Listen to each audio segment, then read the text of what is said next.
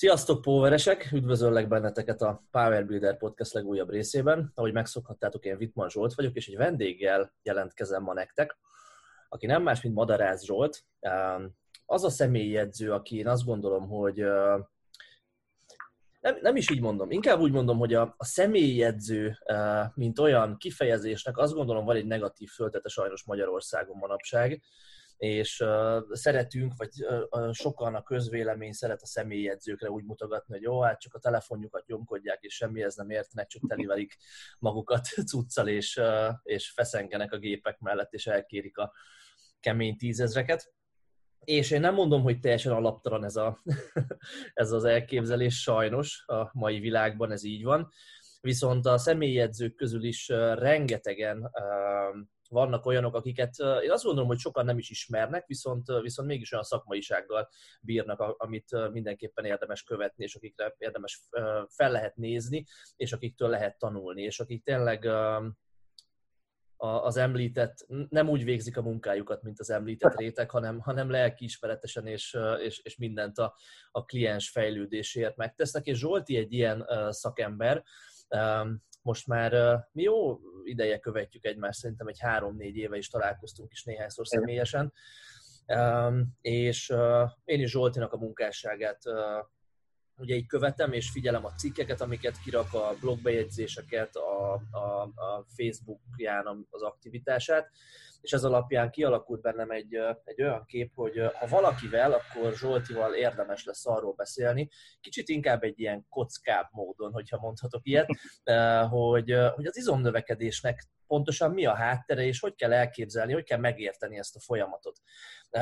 Ugye beszéltünk már sokat arról az előző adásokban, konkrétan most a legutolsóban Szabó Balázs barátommal, meg még körülbelül egy két hónapja a Mata Erikkel és Susa Dáviddal is elővettük ezt a témát. Póveres szemszögből, gyúrós szemszögből, és inkább így a praktikus módon, de talán még arról nem esett szó, és érdekes, hogy amikor rákerestem neten, YouTube-on erre a témára, akkor úgy nem nagyon lehet magyar nyelven jó információt találni, de talán még arról nem esett szó, hogy pontosan mitől is történik az izomnövekedés, és milyen hatásmechanizmusokon keresztül tudunk izmot építeni, és én azt gondolom, hogy nem kell, nem tudom, biológusnak lennie valakinek ahhoz, hogy, hogy ezt megértse, legalábbis a, a, a felszínen, viszont ez nagyon fontos ahhoz, hogy megértsük, hogy, vagy az, hogy megértsük, nagyon fontos ahhoz, hogy, hogy, hogy el tudjuk dönteni azt, hogy edzésben mit, hogyan érdemes csinálni akkor, hogyha izmot akarunk építeni. Tehát ebbe a témába szeretnénk Zsoltival ma belemászni, és tényleg a célunk az lesz, hogy ha ezt meghallgatjátok, meghallgatod ezt az adást, akkor a végére egy teljes képpel rendelkezzetek arról, hogy, hogy mi ez az izomépítés, hogyan megy végbe, és hogyan, tud, hogyan tudunk úgy edzeni, hogy maximálisan maximális hipertrófiát kapjunk vissza tőle. Zsolti, köszöntelek az adásban, köszi, hogy itt vagy velünk. Mesélj már, Léci, egy picit arról, hogy, hogy milyen, milyen edzés múltad van neked. Tudom, hogy az erőemelés egy ilyen nagy szerelemsport neked is már sok-sok éve. Erőemelésben milyen számaid vannak, és, és, és honnan jöttél gyakorlatilag? Oké. Okay. Üdvözlöm én is a hallgatókat, téged is, Zsolti. Hát igen, magában nem szeretek túlzottan beszélni, meg nem is lesz annyira hosszú azért talán. Ö, edzeni edzek most már 21 éve nagyjából. Szerintem elég hasonló utat jártam be, mint például te, hogy ebből a 21 évből 10x évet azt, azt klasszikus badis edzéssel, nem fejlődéssel, útkereséssel töltöttem, és kellett egy, egy ilyen 10x év ahhoz, hogy eljussak a, az erőemeléshez mint olyan, és akkor elkezdjek erőemelő edzéseket folytatni. Persze, amikor még ilyen badis edzéseket csináltam, akkor is ö, alapvetően hamar rájöttem arra, hogy viszonylag jó alkatom van például a googoláshoz. Ezt értsd úgy, hogy alacsony dagat vagyok, és akkor rövid tombokkal, akkor úgy lehet, lehet ö, alkalmas talán arra, hogy lehessen ö, googolni. Ö, volt egy ilyen konkrét egyébként, de több konkrét is volt, de volt egy ilyen elég konkrét eset, amikor egy ilyen fitness teremben edzettem, és nem tudom pontosan, hogy miért, de valamiért a nagy Ákos ugye súlyemelő junior világbajnokunk is ott edzett, És akkor, és én őt ismertem egyébként, ő nem ismert engem, én ismertem őt, mert egyik gyerekkori nagyon jó barátomnak az édesapja súlyemelő szövetségi edző volt, úgyhogy én a súlyemelőket egyébként így a háttérből ismertem. Tehát én tudtam, hogy ők is oda, és én ott bohóckodtam egy ilyen 160 kilós gugolással, igazából, és az Ákos ö, oda jött hozzám, és segített, meg megdicsért, meg, meg tényleg úgy tűnt, hogy így őszintén megdicsér, hogy milyen szép súlyokkal dolgozok, meg szépen googolok, amin így ledöbbentem, hogy egyébként, hogy de tudjuk, Ákos nem tudom, 300-al google tizeket, és akkor a 160-as googolásomat meg így megdicséri, hogy egész jó, és akkor így, így meg még volt néhány ilyen eset, ami így elindított azon az úton, hogy szép meg szákás soha nem leszek, úgyhogy próbáljunk meg erősek lenni. Ö, számaimat tekintve, ö, hát nyilván erőemelő körökben ezek nem nagy számok, átlag embereket nek mondom, olyankor meg persze kerekedik a szemük, de azért szerintem el kell tudni helyezni magunkat így a két véglet között valahol. Hát ugye googolásom az viszonylag erős volt, googoltam 270 kilóval is, felhúzásom 280 kiló, a legnagyobb húzás, és 180 a nyomás. Amik mondom, egy haladó erőemelőnek nyilván nem nagy számok, de a, a, ami érdekes majd, amit mindjárt mondok, amiről beszélek, hogy viszont én lassan tíz éve kereskedelmi fitness termekben dolgozom. Az ottani közönséghez képest meg nagy számok, tehát ott, ott meg nyilván nem dolgoznak ilyen súlyokkal általában az emberek. És mit látsz, hogy nem skatujáznak be ezekben a termekben téged a nagy erőemelőnek, aki izé, nagy súlyokat mozgat, és biztos majd le fog sérülni benne, és közben okoskodni akar személyedzőként? Aha, én azt gondolom, hogy nem, sokkal inkább az van, hogy, hogy, hogy jelismerőek ezzel kapcsolatban. Tök jó. Talán, talán inkább az, az van, hogy amikor azért látnak embereket dolgozni nagy súlyokkal, intenzíven edzeni, vagy egyáltalán profi mentalitással edzeni, akkor azt inkább elismerik, és, és, és tetszik nekik. Tehát az sokkal inkább egy ilyen motiváló dolog szokott lenni számukra is. Verseny, volt a PVB kupa, mikor tavaly előtt volt az már? Igen. Azt hiszem akkor indultál, igen. igen. És az volt az első versenyed, vagy versenyeztél ah, Nem, nem, nem, nem, nem, versenyeztem. Ö, alapvetően én gyerekkoromban ö, nagyon, hát egy 10-12 évet kosárlabdáztam versenyszerűen, illetve küzdősportoltam is. Tehát alapvetően a, a, a versenyzés, mint olyan, az nekem az életem része volt nagyon sokáig, és én nagyon szeretem is a versenyt, meg a versenyzést úgy általában, viszont mikor elkezdtem edzősködni, akkor viszonylag hamar rájöttem arra, amit egyébként meg most is vallok, meg, meg látok, hogy nagyon nehéz magas szinten és jól csinálni az edzősködést, meg a sportolói pályafutást egyszerre, tehát a versenyzést. Azt látom, és egyébként ezt, ezt, ezt a mai napig így látom, hogy szerintem egy kezemben meg tudom számolni azt, hogy hány olyan edzőt ismerek, aki mint versenyző is 100%-ot tud nyújtani, meg mint edző is tud 100%-ot nyújtani. Azt látom, hogy ezek leggyakrabban egymás rovására mennek. És, és, és én is ebbe futottam bele, hogy amikor, amikor és én mondom, én magamat jó versenyző típusnak gondolom, ez azt jelenti, hogy beleteszek mindent. Tehát amikor én mondjuk versenyre próbálok készülni, és voltak ilyen próbálkozásaim, az mindig a munkámnak a kárára ment. Ö, egész egyszerűen, amikor meghoztam azt a döntést, hogy akkor versenyezni fogok, akkor kevesebbet dolgoztam. Amikor dolgoztam, akkor is éreztem, hogy az nem egy olyan szolgáltatás, amiért esetleg én fizetnék, és ezt nem éreztem korrektnek a tanítványokkal szemben. Úgyhogy, úgyhogy ezért mindig a kettő így elment egymás mellett, és, és ezért gyakorlatilag ezt lemecseltem magamba, és én nekem az identitásom az most már sokkal inkább edző, mint sem versenyző vagy sportoló. Igen, ez egy messzire vezető beszélgetés lenne egyébként szintén, hogy az identitásukban részeként hol helyezzük el az erőemelést vagy a sportot, és, és milyen szerepet szánunk neki az életünkben a többi dolog mellett, vagy ahogy te is mondod, kárára, mert hát nyilván véges az időnk és az energiánk, tehát igen, én, ezeket... én például nem, nem vállaltam olyankor edzéseket reggel 9 előtt. De hogy délután volt egy hosszú nagy edzésem, mondjuk egy volumen blogban, volumen szakaszban egy 3-4, néha 5 órás edzésem, ugye belegítéssel, meg levezetéssel együtt. Másnap reggel nem bírtam felkelni 5-kor, meg 6-kor, mint most. Igen, Na, nagyon érdekes ez, mert uh, én most 7 éve edzősködöm, és, uh, és több korszakon átmentem uh, ezzel kapcsolatban, és több, több, többféle gondolkodást is magaménak éreztem ezzel kapcsolatban. És volt olyan is, amikor teljesen egyetértettem azzal, amit most mondasz, viszont aztán azt vettem észre, hogy amikor a saját sportolói énemet túlságosan háttérbe szorítottam, akkor kevésbé tudtam jól minőségi módon segíteni az én saját sportolóimnak, az én saját versenyzőimnek.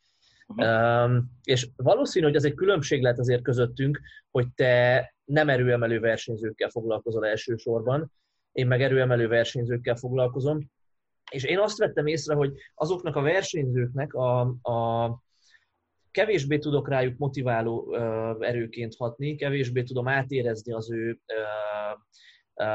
felkészülés során az ő problémáikat, nehézségeiket, stb. stb., hogyha én nem vagyok benne elég ideig. Hozzáteszem, hogy valószínű ez olyan, hogyha az ember már benne van, nem tudom, pár évig egyszer, akkor onnantól kezdve azt nem felejti el, és az már az ő személyiségének a része lesz. De én, én ezért kanyarodtam vissza afelé, hogy, hogy nekem a tanítványaim miatt is nagyon fontos a, a, az, hogy én versenysportolóként is tekintsek magamra, hiszen én úgy érzem, hogy motiválóbb hatással tudok így lenni rájuk, Abszolút. illetve jobban tudok nekik segíteni. Aztán az is lehet egyébként, és azért mondom, hogy érdekes beszélgetés, hogy ezt az ego mondja, és én szeretnék versenyezni, és szeretném ezt el, előtérbe hozni, és ezért ezt megindokoltam magamnak másik oldalról. Nem tudom, de ja, ez egy érdekes kérdés. Szerintem van benne, tehát hogy szerintem igazad van ebben. És tényleg főleg így, hogy erőemelőkkel foglalkozol kizárólag. Szerintem így kell, kell ez. Igen, meg kell találni az egyensúlyt ebben is, mint minden másban, vagy legalábbis meg kell próbálni. Ja, szóval, um, szóval Zsolti, hipertrófia. Aha.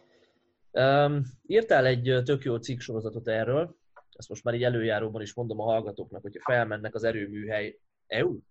EU, EU, EU, EU, EU igen, EU, erőműhely EU, erőműhely.eu oldalra, akkor ott megtalálják ezt a aztán hét részes cikksorozatot.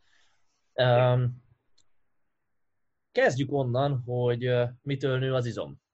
És uh-huh. utána tudunk egy picit abba afelé elkanyarodni, hogy, hogy edzésen nekünk mit kell csinálni, és mit nem feltétlenül érdemes csinálni akkor, hogyha ha izomépítés a cél. És szeretném azt így, csak hogy milyen megvilágításból nézzük a témát, szeretném azt így leszögezni a hallgatók számára is, hogy most nem feltétlenül erőemelők, erőemelő szemszögből nézzük ezt. Ezt megtettük már előző adásokban, és, és, és ha gyakorlatias módon, hogy egy erőemelőnek, hogy érdemes a hipertrófiára fókuszálni, az, az, az, az egy picit más, tényleg más, máshogy kell akkor erről az egészről beszélni. Most mi azt szeretnénk kibogozni, hogy hogyan nő az izom, hogyan tudunk a lehető legnagyobb hatású az izomnövekedésre lenni, és én azt gondolom, hogy ha ezt erőemelőként értjük, azzal előrébb vagyunk, nem csak testépítőként vagyunk ettől előrébb. Szóval te hol kezdenéd ezt a témát? Én, én még annyit hozzátennék, hogy abból a szempontból ö, lehet, hogy az erőemelőknek is ö, teljes mértékben idevág, hogy, hogy ö, én azért nagyon régóta ö, blokkperiodizálok erőemelőknek is, meg, meg, meg hívjuk így átlagembereknek is, ha bár nem, nem azok, mert az átlagember az ugye otthon fekszik a kanapéba, aki már étteremben jön, az már nem átlagember, de hogy a, a egészségsport fókusszal ö, mozgó embereknek is. Én, én blokkperiodizálok, és hogyha blokkperiodizálunk, akkor ugye azért van létjogosultsága annak, hogy, hogy a blokkokat rá, egyes blokkokat rászánjuk a kimondottan hipertrófia specifikus megközelítésekre, és hogyha ha mondjuk évi egy-két verseny van betervezve, akkor és blokkperiodizálunk, akkor azért elég időt is tudunk ennek szállni. Tehát ebből a szempontból egy blokkperiodizált erőemelőnek is fontos lehet az, hogy tisztán hipertrófiáról beszéljünk. Én, én ott kezdeném, akkor viszont szerintem ezt a témát, amiben mi biztos, hogy egyetértünk, hogy hogy az egy nagyon fontos alapelv, hogy mindig edzésterv alapján dolgozzunk. Akkor, akkor is, hogy hipertrófiáról beszélünk. Ez, ez, ez, erről azért szerintem érdekes meg kell beszélni, mert hogyha ha, amit említettél, hogy nem feltétlenül erőemelőknek, hanem, hanem vadisoknak, edzőterembe járó gyúrósokról beszélünk, akkor ott egy, szerintem az egyik legáltalánosabb hiba, amit elkövetnek, hogy nem edzésterv alapján dolgoznak. Szóval én ott kezdeném, hogy azt tisztázzuk le, hogy, hogy tisztázzuk, hogy amikor ö, hipertrófiáról beszélünk, akkor egy ö, specifikus ö, célunk van, az, hogy izmosabbak legyünk. Ö, gyakorlatilag egy specifikus adaptációt akarunk kiváltani, hogy a izmunk az nőjön, és ehhez, hogy ezt a specifikus ö, adaptációt ki tudjuk váltani, ehhez ugye ö, valamilyen stresszt kell applikálnunk a szervezetünkre, és az nagyon nem mindegy, hogy ez egy adhok jellegű stressz, amit applikálunk, vagy pedig egy tudatosan tervezett dolog. Ugye, hogyha azt szoktuk mondani, hogy hogyha túl kevés az a inger, amit beviszünk, akkor, akkor nem lesz adaptáció, ha túl sok, akkor túledzés lesz belőle. Tehát az optimálisat meg kell találnunk, azt viszont nekünk muszáj tervezni ez az nem működik úgy, hogy hasraütésszerűen. Főleg, hogyha edzői szempontból nézzük, és mondjuk van az embernek 30-40-50 tanítványa, hogy mindegyiknél tudni azt, hogy éppen mikor mi volt, és, és ugye, hogyha majd tovább megyünk, hogy, hogy ez abból a szempontból is ez érdekes, vagy számomra mindig nagyon izgalmas, hogy, hogy ugye az, azért nagyon, nagyon jó téma ez, és azért lehet erről nagyon sokat beszélgetni, mert hogy nem tudjuk pontosan, hogy mitől nő az izom. Ugye ezt, ezt nem nagyon fogjuk tudni pontosan eldönteni, és ö, az, hogy, hogy rájöjjünk, hogy kinél mi működik, ahhoz a edzésterveket mindig nekünk tanulmányozni kell, és abból kibogozni azt, hogy kinél mi működik jobban, vagy kevésbé jól. Jó, ettől függetlenül persze azért vannak irányvonalak, amik, amik, amik egyértelműnek tűnnek. Igen. én... Tök, tök jó, bocs, hogy közbevágok, csak szeretném kicsit így kihangsúlyozni, hogy ez mennyire fontos, mert annyira alapnak veszük azt, hogy mindenkinek van edzésterve, legalábbis szerintem edzőként te is, meg én is, hogy Igen. sokszor eszünkbe se jut az, hogy basszus, tényleg az edzőterembe járó emberek egyébként kb. 90%-ának nincsen, és Szerintem egyébként, de nem tudom, ezt te mennyire látod, te sokkal több embert látsz, sokkal több számodra ismeretlen random embert látsz edzeni magad mellett. Én azt gondolom, hogy azoknak sokkal nagyobb százalékban szokott edzésterve lenni, akik erőnövekedés fókusszal akarnak edzeni, mert valahogy a fejünkben én szerintem az van, hogy hú, hát e, hogyha erő, akkor az ott teljesítmény, meg számok, meg mit tudom én, és az izomépítésre meg pont az igaz, hogy azt úgy, úgy, úgy elbagatelizálja az ember sokszor, vagy túlságosan le akarja egyszerűsíteni, hogy jó, hát csak izomépítés, hát most nem, izé, nem a nem fekvőnyomó világbajnok akarok lenni, hanem csak kicsi húst akarok pakolni a felsőtestemre. Ez eddig oké, okay, de hogyha már nem kicsi húst akarsz, hanem már tíz éve edzel, és akarsz még több húst pakolni, az már nagyon nem könnyű, és onnantól kezdve igenis ezt is számolni kell, és itt is, ahogy te is mondod, el kell találni azt a stressz mennyiséget, ami még pont jó lesz ahhoz, hogy fejlődni tudjál. Nem sok, nem túl sok, nem túl kevés, mennyiségében, mienségében olyan, amit, ami meghozza számunkra a kívánt hatást, és azt máshogy nem lehet csak programmal, és nem csak az erőnöveléshez kell program, hanem az izomépítéshez is. És ami még ezzel kapcsolatban szerintem a baromira, nem tudom, frusztráló, vagy ilyen idiótaság, hogy a legtöbben fitness celebek, meg nem tudom, az edzésterv és a heti edzés felosztás közé egy egyenlőségelet tesznek, hogy te milyen, te milyen edzéstervel dolgozol most? Hát én melbiceps, ja, én meg izé, nem tudom, válhát. Tehát ilyen, ez, és, ez, és ez nem az edzésterv. Tehát az edzésterv az, az micsoda? De mi, mit akarunk mérni egy edzéstervel? Jó, ö, egyrészt a kérdésedre válaszolva, igen, egyértelműen látom azt, hogy azok dolgoznak edzéstervel a random emberek közül, akiket nem ismernek, akik valóban erő növelnek, vagy erőfókuszú az edzésük. Az, aki valóban hipertrófia vagy izomépítő célzattal edz, azok meg azok nem nagyon-nagyon, hát nem, sőt, nem. Tehát, hogy aki edző nélkül azért edz, hogy izmosabb legyen, én nem nagyon tudok olyat mondani, hogy edzéstervet látnék náluk, pedig azt azért látjuk a teremben, hogy legalább a telefonján nem a Instát pörgeti fölfelé, vagy nem a másikat pörgeti jobbra vagy balra, hanem, hanem edzéstervet néz rajta. Úgyhogy ebben ezt abszolút én is így látom, ahogy, ahogy te látod. Hogy ennek mi az oka egyébként, abba, abba azt szerintem azt fogjuk is ma érinteni. Ugye, hogyha az a kérdés, ugye az a fő kérdésünk ma, hogy, hogy mitől nő az izom, akkor azt látjuk, hogy pontosan nem tudjuk, de maguk a mechanizmusok, meg a fiziológiai útvonalak, azok ugye bekategorizálhatóak három nagy ö, témába, amiről te is szoktál nagyon gyakran beszélni. Ö, és ugye ez a három nagy terület, ami, ahol ezeket be lehet kategorizálni, az a mechanikus izomfeszülés, a metabolikus stressz, vagy a metabolitok felhalmozódás, és az izomsérülés. És ezekről én azt gondolom, hogy beszélgetünk majd most ugye részletesen is külön-külön, ez lenne a cél. A, a második, amit említettem, ugye a metabolikus stressz, az, amire én úgy látom, hogy ők hatni szeretnének. És ennek az egyik, de mondom, erről majd mindjárt beszélgetünk tényleg szerintem részletesen is. Az egyik módszer arra, hogy ezt, a, e, e, ezt elérjük, ezt a hatásmechanizmust, az, hogy izombukásig edzünk.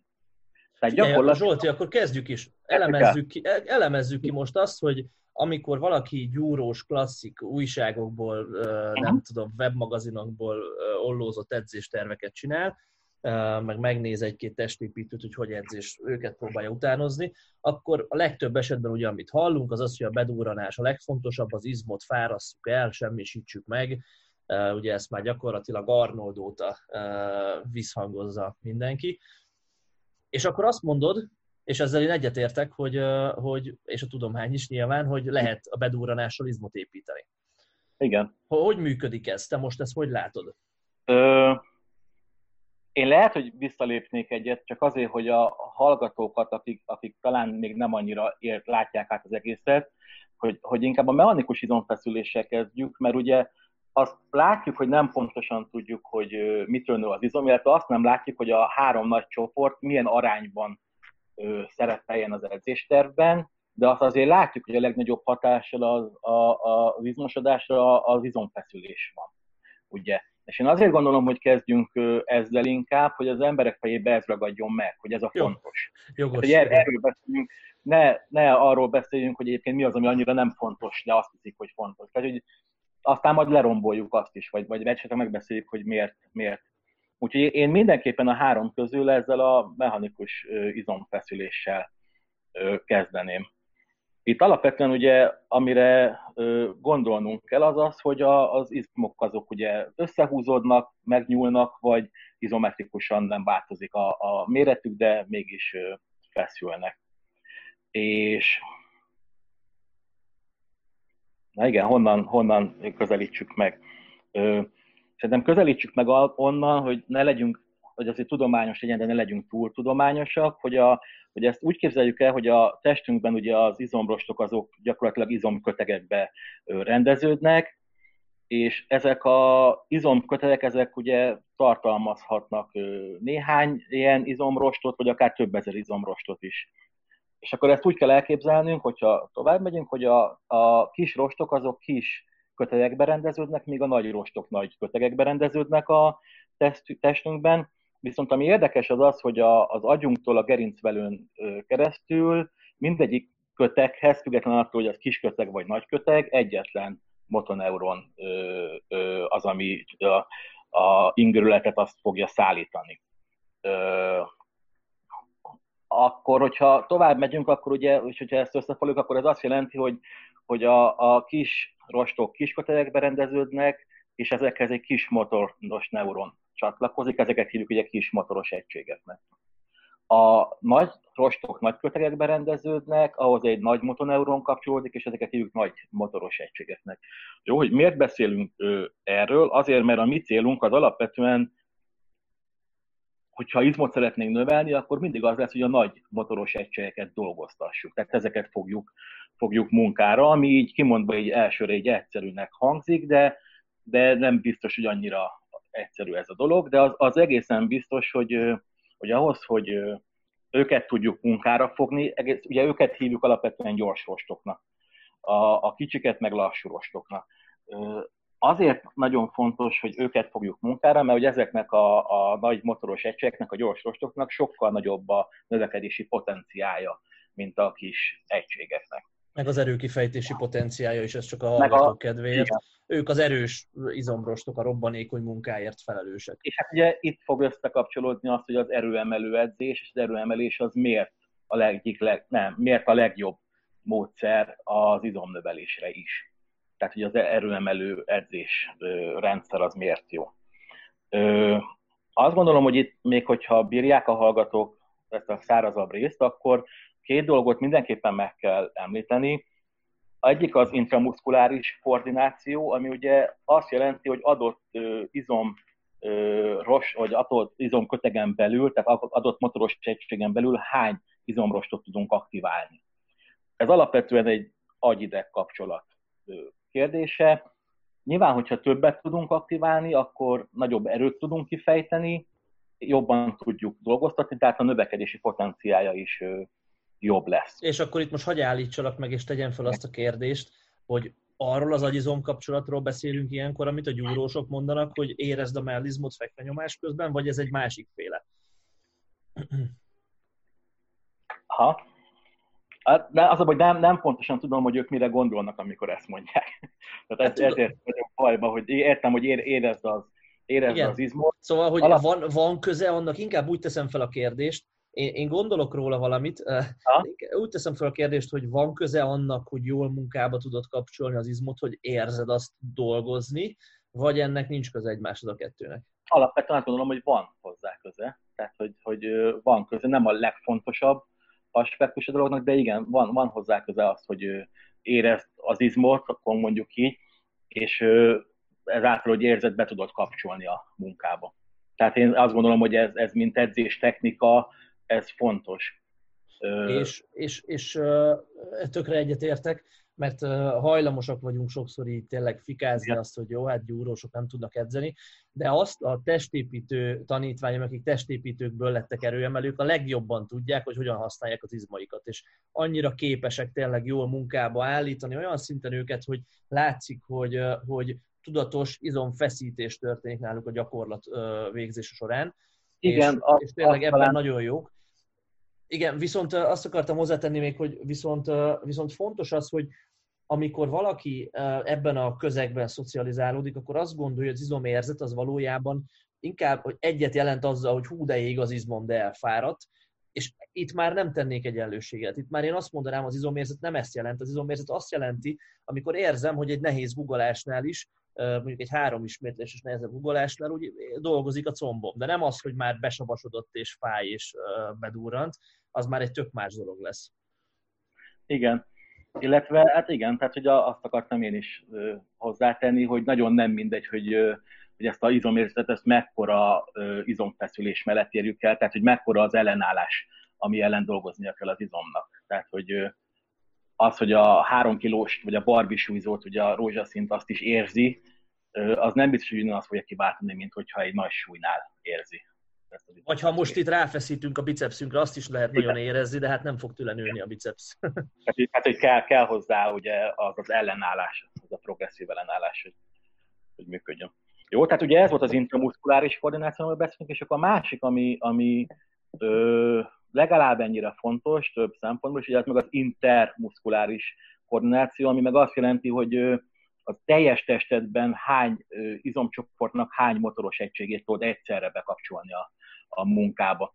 Nyilván ez azért, ugye, azért nagyon fontos, mert hogyha arról beszélünk, hogy nekünk ezeket a motoros, főleg a nagy motoros egységeket kell ugye dolgoztatnunk, akkor nagyon nem mindegy, hogy hány ilyen motoros egységet dolgoztatunk meg, milyen gyakran, mennyi ideig tudjuk ezeket dolgoztatni. Nyilván minél többet tudunk bekapcsolni, minél gyakrabban, minél több ideig tudjuk így bekapcsolt állapotba tartani őket, annál nagyobb lesz a potenciája a növekedésnek. Tehát a hipertrófia is nagyobb lesz. Magyarul egy olyan, izmot, egy olyan izomrostot, amit nem használunk, azt nem fogjuk tudni növekedésre bírni. Igen. Igen, így van. Jó, ami még szerintem, hogyha megyünk tovább ezen a gondolatmeneten, és még mindig ennél a, ennél a motoros egység dolognál ö, eltöltünk egy pici időt, akkor ugye az egy nagyon fontos dolog, hogy ezeknek a motoros, a kicsi és a nagy motoros, illetve vannak közepesek is, meg vegyesek nyilván, de egyszerűség kedvéért beszélünk ugye a kicsikről, meg nagyokról.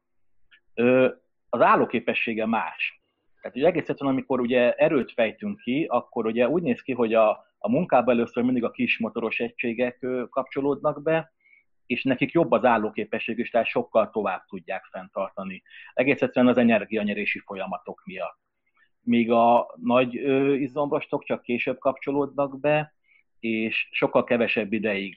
Tehát most itt másodpercekről, ha beszélünk, akkor 9, 12, 15, hát ugye, de egyébként szerintem ez fölösleges így másodpercre lebontani, de hogy sokkal rövidebb ideig képesek a izomfeszülést fenntartani. Ö, és akkor itt bejönnek olyan és ezért megint visszakanyarodunk ugye az erőemeléshez, ami miatt mi ezt nagyon jónak tartjuk, hogy vannak olyan erőemelő technikák, amik viszont ezt ugye kiküszöbölik, például az előfeszítés, mint edzés technika. Amikor ugye ö, már mielőtt a súlyt, meg a súlyzót emelnénk, már előtte van egy nagy, nagy feszítettség, egy nagy izometrikus feszítettség és utána emeljük meg a súlyt, ami bekapcsolja ugye a, a gyors rostokat is. Tehát ezt szerintem ezt még, ezt még fontos így értenünk, hogy, hogy ezek, ezek egyszerre dolgoznak, de nem egyszerre kapcsolódnak be, meg kapcsolódnak ki a munkából. Ö, igen. Tehát ott tartunk gyakorlatilag most, hogy ha, használni kell azokat az izomrostokat, amiket a munkába kell Igen. állítani, azokat, amiket növekedésre akarunk bírni, és úgy tudjuk ezeket munkába állítani, hogy olyan edzés módszerek szerint edzünk, ami az idegrendszernek a hatékonyságát fejleszti, és hogyha ezt megtesszük, nem tudom, kanyarodjunk ide-vissza, ha ezt megtesszük, akkor tud létrejönni az a mechanikus munka az izomrostban, külső ellenállás hatására, megnyúlás és összehúzódás során, ami izomnövekedési ingereket hoz. Egyetértünk ezzel? Abszolút. Igen, abszolút. És hogyha ha, tehát, hogy, és, és ugye ez a oka annak, hogy alapvetően amikor ö, hipertrófiáról beszélünk, vagy ö, mindegy izomnövelő edzés programozásról beszélünk, akkor mindig a összetett alapgyakorlatok, tehát hogy a, az erőemelő összetett alapgyakorlatokkal kell dolgoznunk, mert egész egyszerűen azzal ö, tudjuk a legtöbb motoros egységet munkára bírni, és a legnagyobb bizonfeszülést is elérni. Ugye ezért szoktam én mondani, hát nem én, mindenki mondja, aki picit ért konyít a dologhoz, hogy a, a googleás azért a gyakorlatok királya, mert hogy, mert hogy egész egyszerűen vagy lehet, hogy ez csak én vagyok így, meg még az jó néhány, és nem mindenki, de hogy amikor a nyakunkban van ugye a nagy súly, akkor, akkor az idegrendszerünk egész egyszerűen egy ilyen, ilyen túlélő ösztönnel be fogja kapcsolni a gyors rostokat, és nagyobb koncentrációt fog, nagyobb mentális fókuszt fog tudni elérni, és, és hogyha tényleg nagy súly a nyakunkban és googolunk, akkor biztos, hogy a lehető legtöbb nagy izomrostot vagy köteget fogjuk tudni munkára bírni. Ö, tehát, hogy a, ugye ott tartunk, hogy arról beszélünk, hogy a izom, mechanikus izomfeszülésnek a mértéke az, az, az iszonyatosan fontos, talán az egyik legfontosabb aspektus az izomnövelésnek, és ennek a, ugye egyik legjobb megoldás erre, hogy ezt el tudjuk érni, vagy sőt, ezt tudjuk fokozni, tudjuk gyakorolni, az az, hogy nagy súlyokat emelünk. Tehát minél nagyobb súlyokat emelünk, és szerintem az egy fontos pont, hogy a, az edzés termünk progresszív legyen. Tehát a teljesítményünk, amit nyilván a súlyok növelésével tudjuk praktikusan mérni. Én legalábbis szeretek súlyprogressziókat csinálni, és súlyjal mérni a teljesítményt. Tehát az edzés tervünk az mindig egy ilyen súlyprogressziót azért tartalmazzon. Nyilván vannak más megoldások is a teljesítmény növelésére vagy a mérésére, de szerintem ez a, ez a ebből ez, pont ezért, amiről most beszélgetünk, ezért az egyik legjobb, hogyha egy súlyprogressziónk van. Meg a súlyzó rúd, mint olyan, egy nagyon jó eszköz erre, hiszen mondjuk egykezes súlyzókkal, vagy ketlebellekkel ugye fix lépcsők vannak az adott súlyban, itt meg felrakhatunk akár egy 0-25-ös tárgyat is a rúdra, és azzal már ugye progressziót elértünk. Még ha nem is túl nagyot, de azért több 0,25-ös tárcsa az már több kilót jelent, tehát ez, ez, ez ezért egy jó eszköz. Ö, az, az, igen, lehet, hogy jó az lett volna, hogyha azzal kezdek. Én amikor ö, ö, edzőket mentorálok, vagy edzőkkel foglalkozok, vagy olyan tanítványokkal, akik nyitottak az ilyen jellegű, ö, befogadok az ilyen jellegű beszélgetésekre, akkor nekem mindig az a célom, hogy ezt a három nagy kategóriát ezt megértsük, ugye a mechanikus izomfeszülés, a metabolikus stressz és a izomsérülés, amiből most az első kategóriával foglalkozunk. De ezt a hármat megértsék, és amikor ö, találkozunk egy-egy módszerrel, gyakorlattal, intenzitásnövelő technikával, akkor azt mindig el tudjuk helyezni majd oda, hogy melyik kategóriába tartozik. Ez azért fontos szerintem, mert hogyha majd megértjük azt, hogy melyik kategória mekkora hatással tud lenni az izomnövelésre, akkor el tudjuk dönteni azt, hogy adott edzéstechnika, adott gyakorlat vagy módszer, az mennyire fontos része tud lenni az edzéstervünknek, hogy arra alapozzuk, mint például amiről most beszéltünk a alapgyakorlatokról, vagy pedig csak kiegészítésképpen dobjuk be ezeket a dolgokat. Tehát hogy én szerintem az lenne a, a nagyon jó cél az embereknél, hogyha ha, ha ezt megértenék és be tudnák tényleg őket lőni. És ö, szerintem itt majd most is beszélünk ilyen, ilyen konkrét gyakorlati dolgokról is, és hogy, az, hogy segítsünk azzal, hogy ezeket be tudjuk lőni. Ö, például, például csak most az jut eszembe, hogy, hogy egy, egy, ez is meg ugye egy erőemelő megoldás, hogy, hogy ahhoz, hogy a izomfeszülés mértékét tudjuk növelni, erre tök jó megoldás nem csak erőemelőknek, hanem bárki másnak ezek a overload nevű variációk, ugye. Amikor, amikor olyan gyakorlatot csinálunk mondjuk kisebb mozgástartományba, hogy nagyobb súlyt tudjunk mozgatni, amivel ugye nagyobb feszülést tudunk generálni. De akkor ilyen lehet egyébként, ami ugye ennek picit ellentmondani látszik, egy teljes mozgástartományú gyakorlat, ahol viszont ugye az izom nagyon meg tud nyúlni, ezért nagyon össze is tud húzódni, tehát nagyobb kontrakciót tudunk ö, ö, elérni. Ö, igen. És mondom, igen. még ezt. Igen, egy csomó ilyen kérdést fel akarok egyébként majd tenni, hogy Jó. például te ezeknek a helyét, amiket most felsoroltál, hol látod az edzésben. Ha. Szerintem majd akkor, hogyha végigmegyünk a kategóriákon. Jó.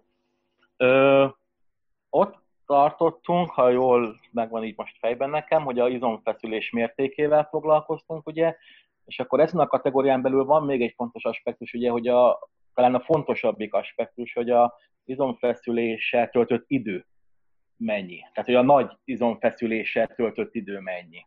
És, és a nagy az egy nagyon fontos dolog most, amit mondasz. Igen. Mert ugye ezt sokan félreértették úgy, hogy ja, hát akkor csak nagyon lassan kell csinálni a gyakorlatot, és akkor rengeteg izomfeszülés lesz, és akkor nagyobb hipertrófia, de ez nem így van. Ez nem, igen. Ez nem, nem így van. Ö, igen, nem, igen, amit mondasz, hogy, hogy, hogy de hát ugye, és akkor itt, itt, itt amit ugye szoktunk mondani, hogy, hogy ez, ez annyira közhelyes, de hogy ez az igazság, hogy, hogy nagy súlya kell csinálni sokat. Tehát egész egyszerűen arról van szó, hogy a nagy, nagy, nagy súlyat kell sok ismétlésnek sokszor csinálni. Miért, miért van ez egyébként, csak hogyha már izomnövelésnél tartunk, hogy, hogy nem jó az, hogyha csak kis súlyjal lassan dolgozunk, és sok izomfeszülést rakunk a rendszerbe, mert hát feszül sokáig az izom. Uh-huh. Ö... Vagy, vagy fel is tehetném úgy a kérdés, hogy te hogy látod, ha, ha egy rúddal végzett fekvenyomásról van szó, akkor azt hogy, értem, hogy érdemes milyen irányelvek szerint kivitelezni, Aha. ahhoz, hogy, hogy tényleg maximális legyen az izomaktiváció, és a, a mechanikus ingereket maximalizáljuk. Most nem feltétlenül ismétlés számról beszélek, hanem egy kivitelezésről az adott, az adott súly mellett. Jó, én, én tehát hogy, ö, alapvetően azt látjuk, hogy, ö, hogy a ismétlések azok ugye nem egyenlőek, tehát, hogy vannak hasznosabb ismétlések, meg kevésbé hasznos ö, ismétlések. Ö, egész egyszerűen az a probléma, hogy ha kis, vagy nem elég nagy súlyjal dolgozunk, hogy nagyon sok lesz, nagyon lassú, nagyon sok idő lesz, míg eljutunk azoknak a hasznos ismétlésekig, amik, amik nekünk valóban effektívek lesznek. Egy csomó haszontalan ismétlést megcsinálunk egy magas ismétlés számos kivitelezésnél. Hogyha, Igen, és ha ta- erre talán ugye arra lehet ezt visszavezetni, hogy, hogy kell egy bizonyos nehézség az adott ismétlésben, ahhoz, hogy már stimuláló legyen az ismétlés hipertrófia szempontból. Tehát sokan ezt úgy is mondják, hogyha jól tudom, hogy, hogy megfelelően lassúnak kell lenni az adott ismétlésnek, ahhoz, hogy stimulálja a hipertrófiát, mert ugye egyébként ezt a példát nem is tudom, nemrég olvastam, egyébként a helyből magasugrásoktól is uh, izmosodni tudnánk, hiszen az is az összes izomrostunkat munkába vonja arra a pici időre, viszont az egy könnyű mozgás, és rövid ideig tart, és emiatt ez uh, izomépítés célzattal nem jó használható. Tehát kell egy bizonyos lassúság, de ez a lassúság, ez nem olyan lassúság, amikor arról van szó, hogy én direkt lassítom, hanem egy olyan lassúság, amikor én gyorsan akarnám nyomni, de már nem megy gyorsan, csak lassan. És ez nem feltétlenül arról van szó, hogy ez az őrült nagy lassúság, hanem azért legyen egy bizonyos ellenállás, amit, ami, amit le kell küzdeni, mert most amúgy ilyen józan paraszti ez, ez tök egyértelmű, nem? Tehát, hogy hogy lehetne a két kilós súlyzókkal izmot építeni, ami nem ad ellenállást, kell ellenállás. Így van. Ö, én azt gondolom, hogy, ö, ö, hogy amiket most így végigbeszéltünk, ez alapján talán ugye kimondható az, meg a gyakorlat is ezt bizonyítja, hogy a, ugye az izomfeszülés, nagy izomfeszülés, tehát a mértéke az izomfeszülésnek az izom, nagy izomfeszüléssel töltött sok idő kombinációja az, ami nekünk jó lesz. És ez, ez hogyha gyakorlatot nézzük konkrétan, akkor ez ugye azt fogja jelenteni, hogy hogy a egy ismétléses maximumnak a 70-90 százalékával kell ö, nagyjából dolgoznunk, és ezekkel ugye 4-6-8 ismétléseket fogunk megcsinál, tudni megcsinálni. Lehet, hogy van, aki 10 is fog tudni a 70 százalék, de hogy nagyjából ez, ez az, amivel be tudunk lőni. Tehát, tehát hogyha ha így összefoglaljuk ezt a, ezt a kategóriát, akkor azt mondhatjuk, hogy hogy a egy ismétlés maximum 70-90%-ában 4-8 ismétléseket kell csinálnunk, alapvetően összetett alapgyakorlatokból, vagy azoknak variációiból. És nem is tudom, erre térjünk rá. Most térjünk rá most persze, mert végülis az, az edzésnek a sava borsa az, amiről most beszélgetünk. Utána azt gondolom, hogy nagyjából zárójeles lesz a, a bedúranás és a mikrosérülések. Ez azt is jelenti, hogy nem mindegy, hogy milyen közel kerülünk a bukáshoz egy sorozatban. Ugye mondta azt, nem is tudom, Arnold mondta azt is talán, hogy azok az ismétlések a hasznosak, amikor már a bukáson túl dolgozol, és amikor már erőltetett ismétléseket segít, csinálsz egy segítő segítségével, vagy ilyesmi ezzel kapcsolatban milyen tanácsot tudunk adni a hallgatóknak? Mennyire kell közel lenni a bukáshoz, ahhoz, hogy izmot tudjunk építeni?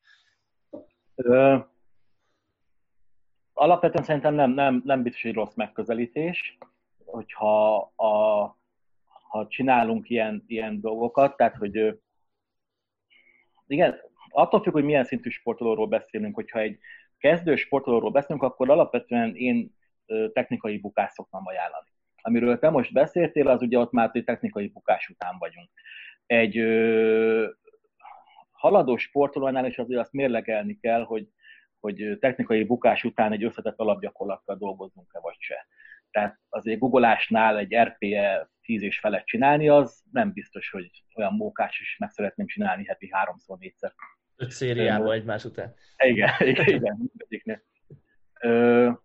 én azt gondolom, hogy ha, ha már szóba került, akkor, akkor az ilyen RPE 9-es sorozatok azok, amik, amiket mi keresünk ebből a Hogyha izomépítésről van szó, igen? Ha izomépítés, igen, pontosan. Ö...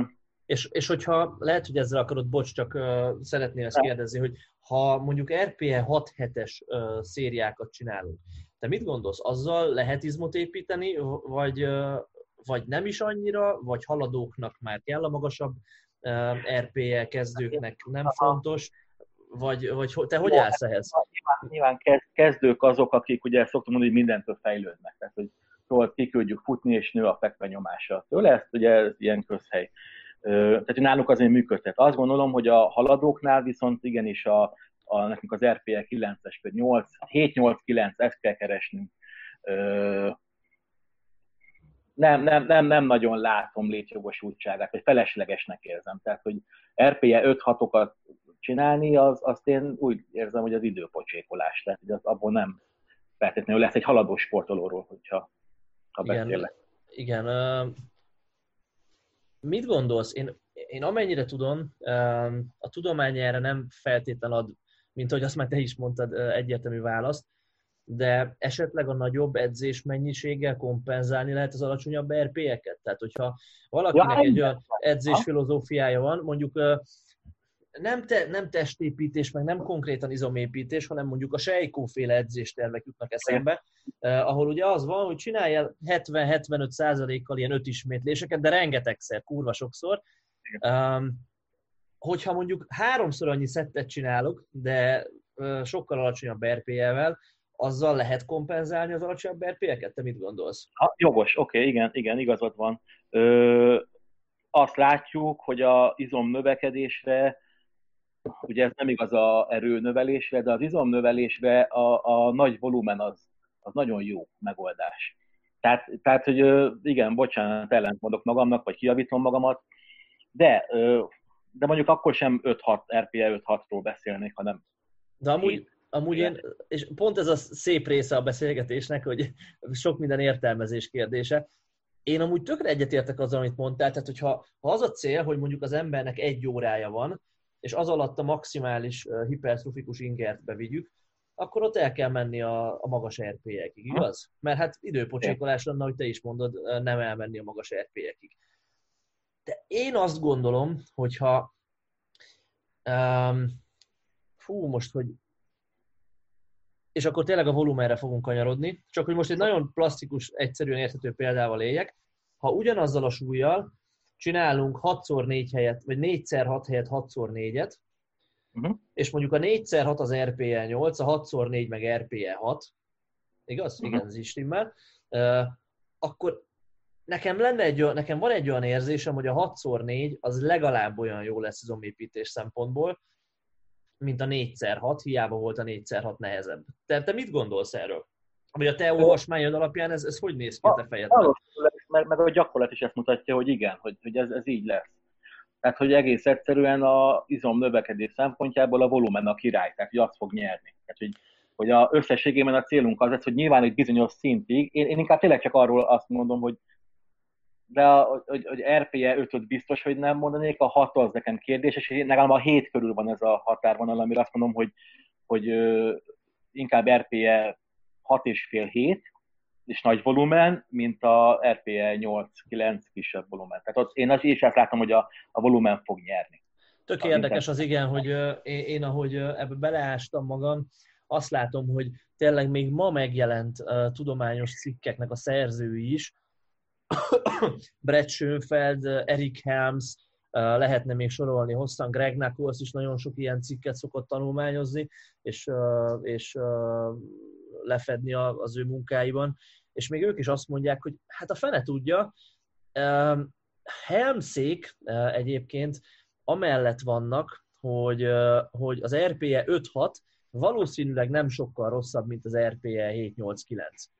Mert vannak olyan kutatások, amik ezt mutatják, hogyha már RPE 6-ig elmész, akkor onnantól kezdve az, hogy RPE 6 vagy 8 már nem olyan fontos, onnantól már inkább az lesz a fontos, hogy hány szériát csinálsz.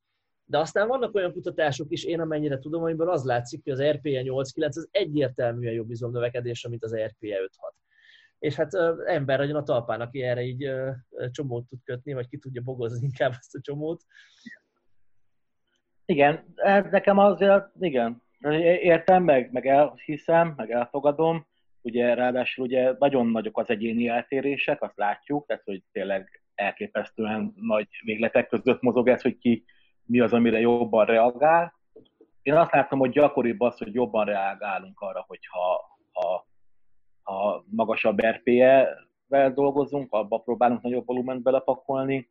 Egész egyszerűen az izomfeszülés mértéke miatt. Tehát, hogy ott, ott, ott, ott könnyebb azért, vagy nagyobb, valószínűbb lesz Igen. nagy izomfeszülést elérni meg az én példámból, én példámra visszakanyarodva, nem biztos, hogy a 6x4-et meg a 4x6-ot kell egymással szembeállítani, mert ha arról van szó, hogy izmot akarunk építeni, akkor a 6x4 helyet lehetne 6x6-ot is csinálni, és akkor 6x4 RPE 6 helyett 6x6 RPE 8-at, és akkor már is több izmot hozott az adott gyakorlat. Csak azért akartam ezt közbeszúrni, mert ugye hogyha nem olyan rendszerben gondolkozunk, de tényleg sokféle elágazhatunk ezzel, ha nem olyan rendszerben gondolkozunk, ami elkülöníti egymástól a hipertrófiát, meg az erőnövekedést, mert igazából annyira nem is lehet, de azért valamennyire el lehet, persze, és az igazából döntés kérdése szerintem az edző részéről, de ha nem ilyen rendszerben dolgozunk, akkor elképzelhető az is, hogy alacsonyabb RPS sorozatokkal tudunk izmot építeni. Viszont, hogyha most ennek az adásnak az a címe, hogy hogyan tudsz izmot építeni, akkor nem ez lenne az elsődleges uh, út, amit javaslunk, igaz?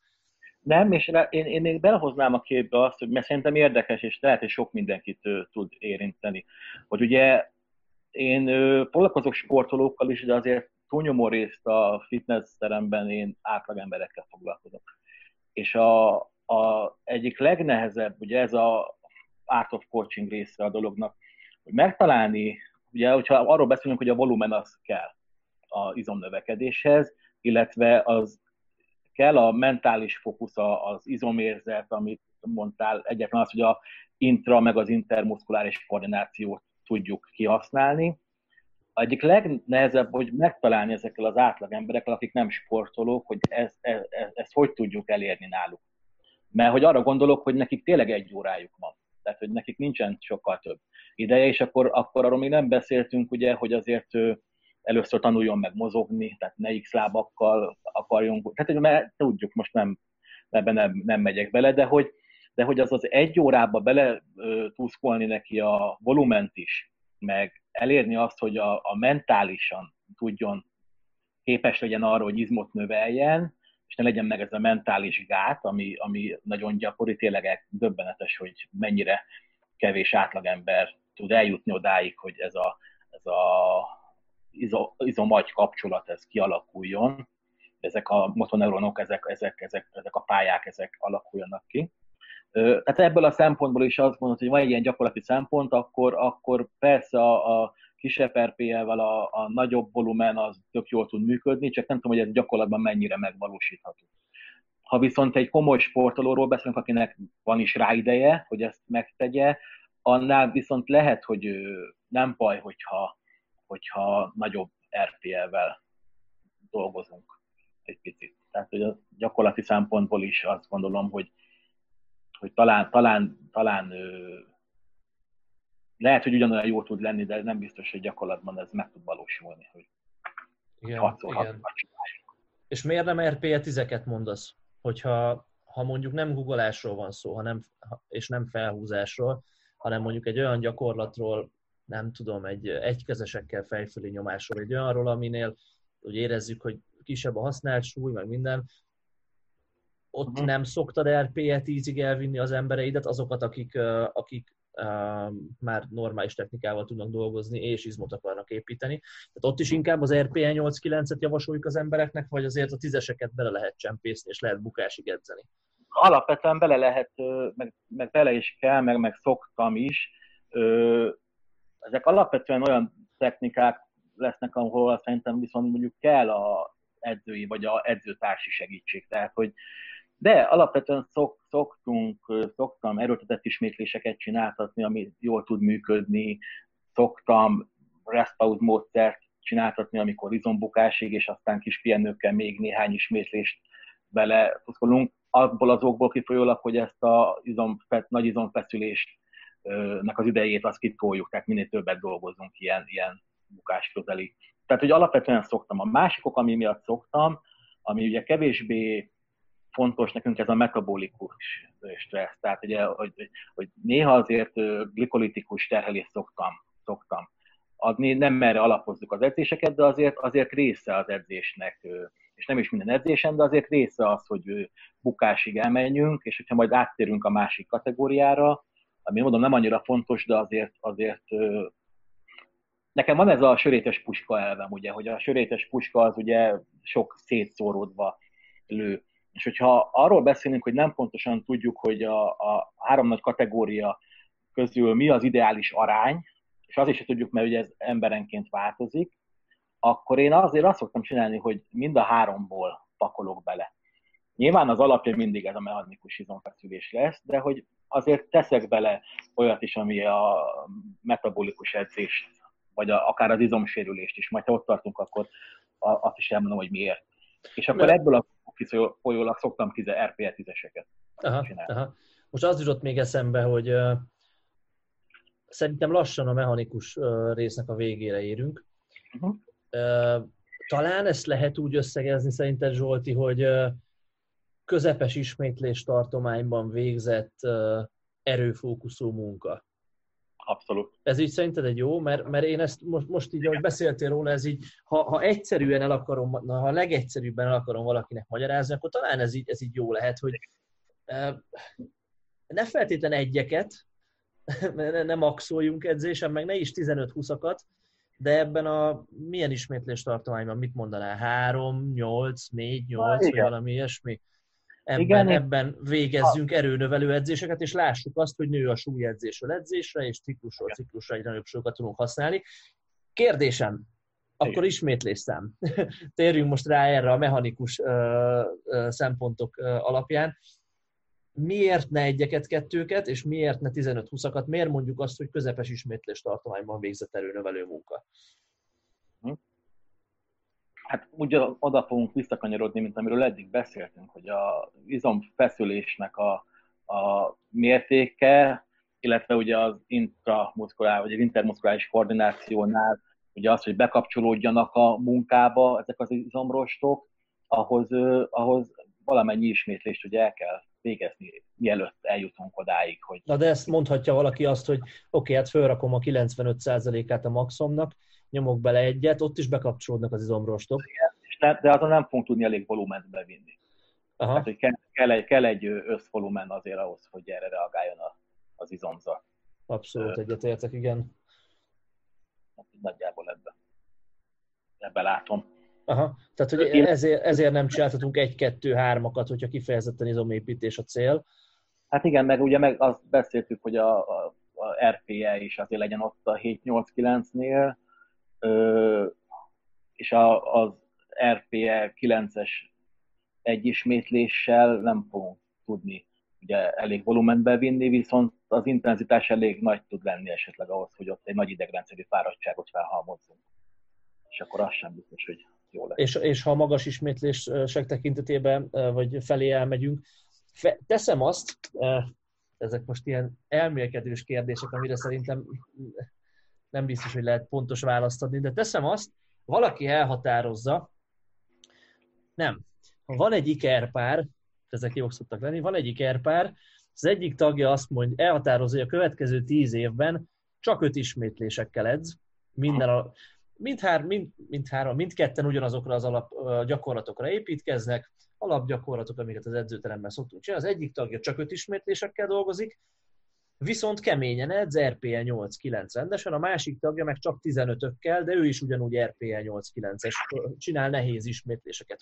Hiszen ugye azt mondtuk az előbb, hogy, hogy, hogy az izomépítés az arra van szükség, hogy nehéz ismétléseket csináljunk, akkor igazából a 15-ös szériának az utolsó öt ismétlése az nagyon hasonló nehézségű lesz, mint az öt ismétléses szériának az öt ismétlése. Te mit Igen. mondanál az 5 és a 15 ismétléses ember, emberünk között? Mi lenne a különbség hosszú távon, vagy lenne különbség izomtömegben mondjuk egy 5 éves távlatban, hogyha ezt előre nézem?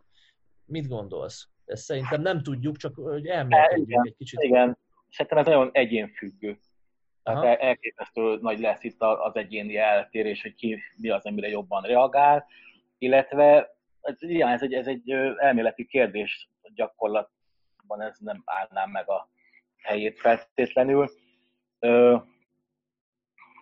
már, csak, már csak azért sem, mert hogy, mert hogy azért mégpedig az, hogy azért ezt majd, majd hogy el kell mennünk teljesítmény irányba, illetve el kell mennünk, mennünk majd előbb-utóbb oda, hogy, hogy valami mást is csináljunk, tehát ne, nem mindig csak hipertrófiát csináljunk. És akkor viszont, hogyha ha, és én nem tudom levetközni, meg te se tudod levetközni, hogy erőemelő szemmel nézzük a dolgot, hogy előbb-utóbb itt erő fókuszba kell elvinni az edzéstervezést, akkor viszont például az, az sokkal jobb lesz, hogyha többet gyakoroltuk magát a mozgást. Tehát a nagyobb széria szám, hogyha több ismétlésünk van benne, akkor technikailag is abban fejlődni fogunk. Aha. És ha technikailag fejlődünk, akkor nyilván az erő is nőni fog, illetve akkor a, a izomfeszülés is nőni fog. Igen, szóval igen, egyetértek ezzel. Én kétféle oldalról, hogyha ezt a kérdést nekem kell megválaszolni, akkor én kétféle oldalról tudok teljesen ellenkező választ adni rá.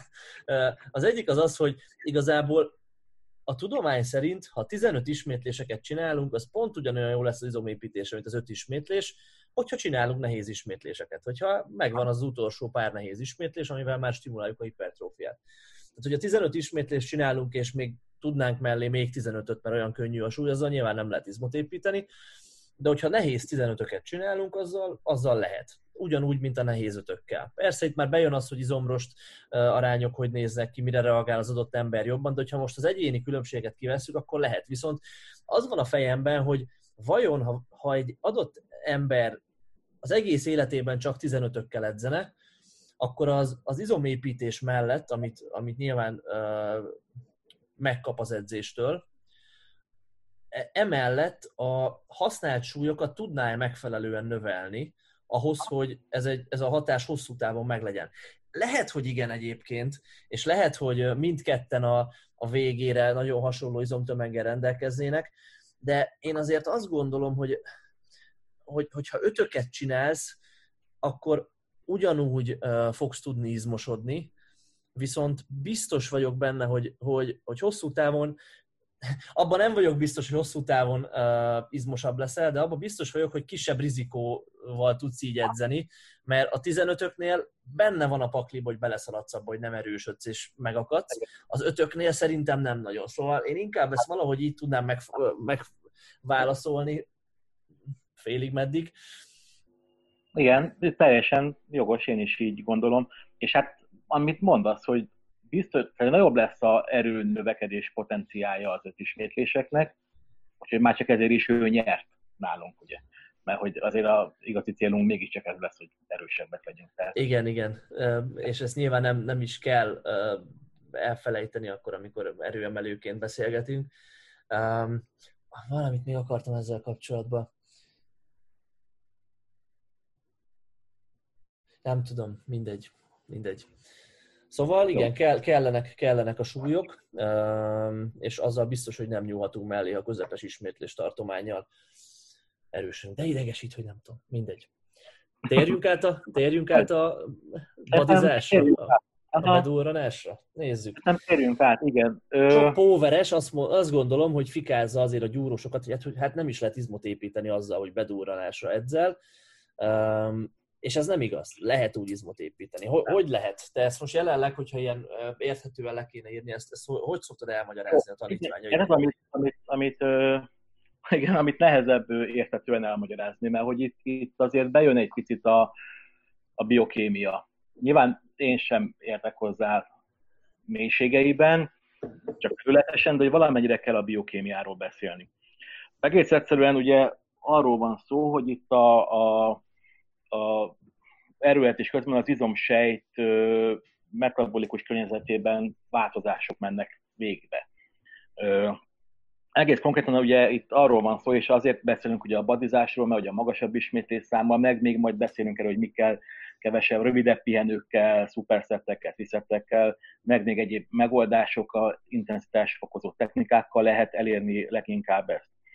Ugye, amikor így pumpálunk, hogy, vagy, vagy igen, badizunk és pumpálunk, nevezzük így, olyankor ugye azért az történik, hogy, hogy egy glikolízis nevű folyamat játszódik le az izomsejtben, ami ugye a, jó, bocsánat, de hogy ezt nem tudom más, hogy egy ADP-ből, tehát adenozin-diszfoszfátból ATP, illetve hidrogén ion fog képződni, és, illetve a hidrogén ionból meg ugye laktát lesz, tehát ez a tejsav, amiről beszélünk.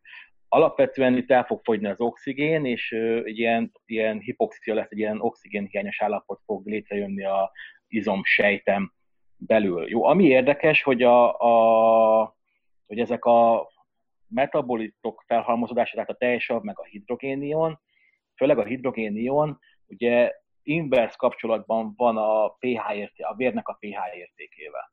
A, hogyha a tejsav vagy a hidrogénium magas lesz, akkor a vérnek a pH értéke csökkenni fog, tehát savasabb lesz. Ettől lesz ez a savas égető érzés.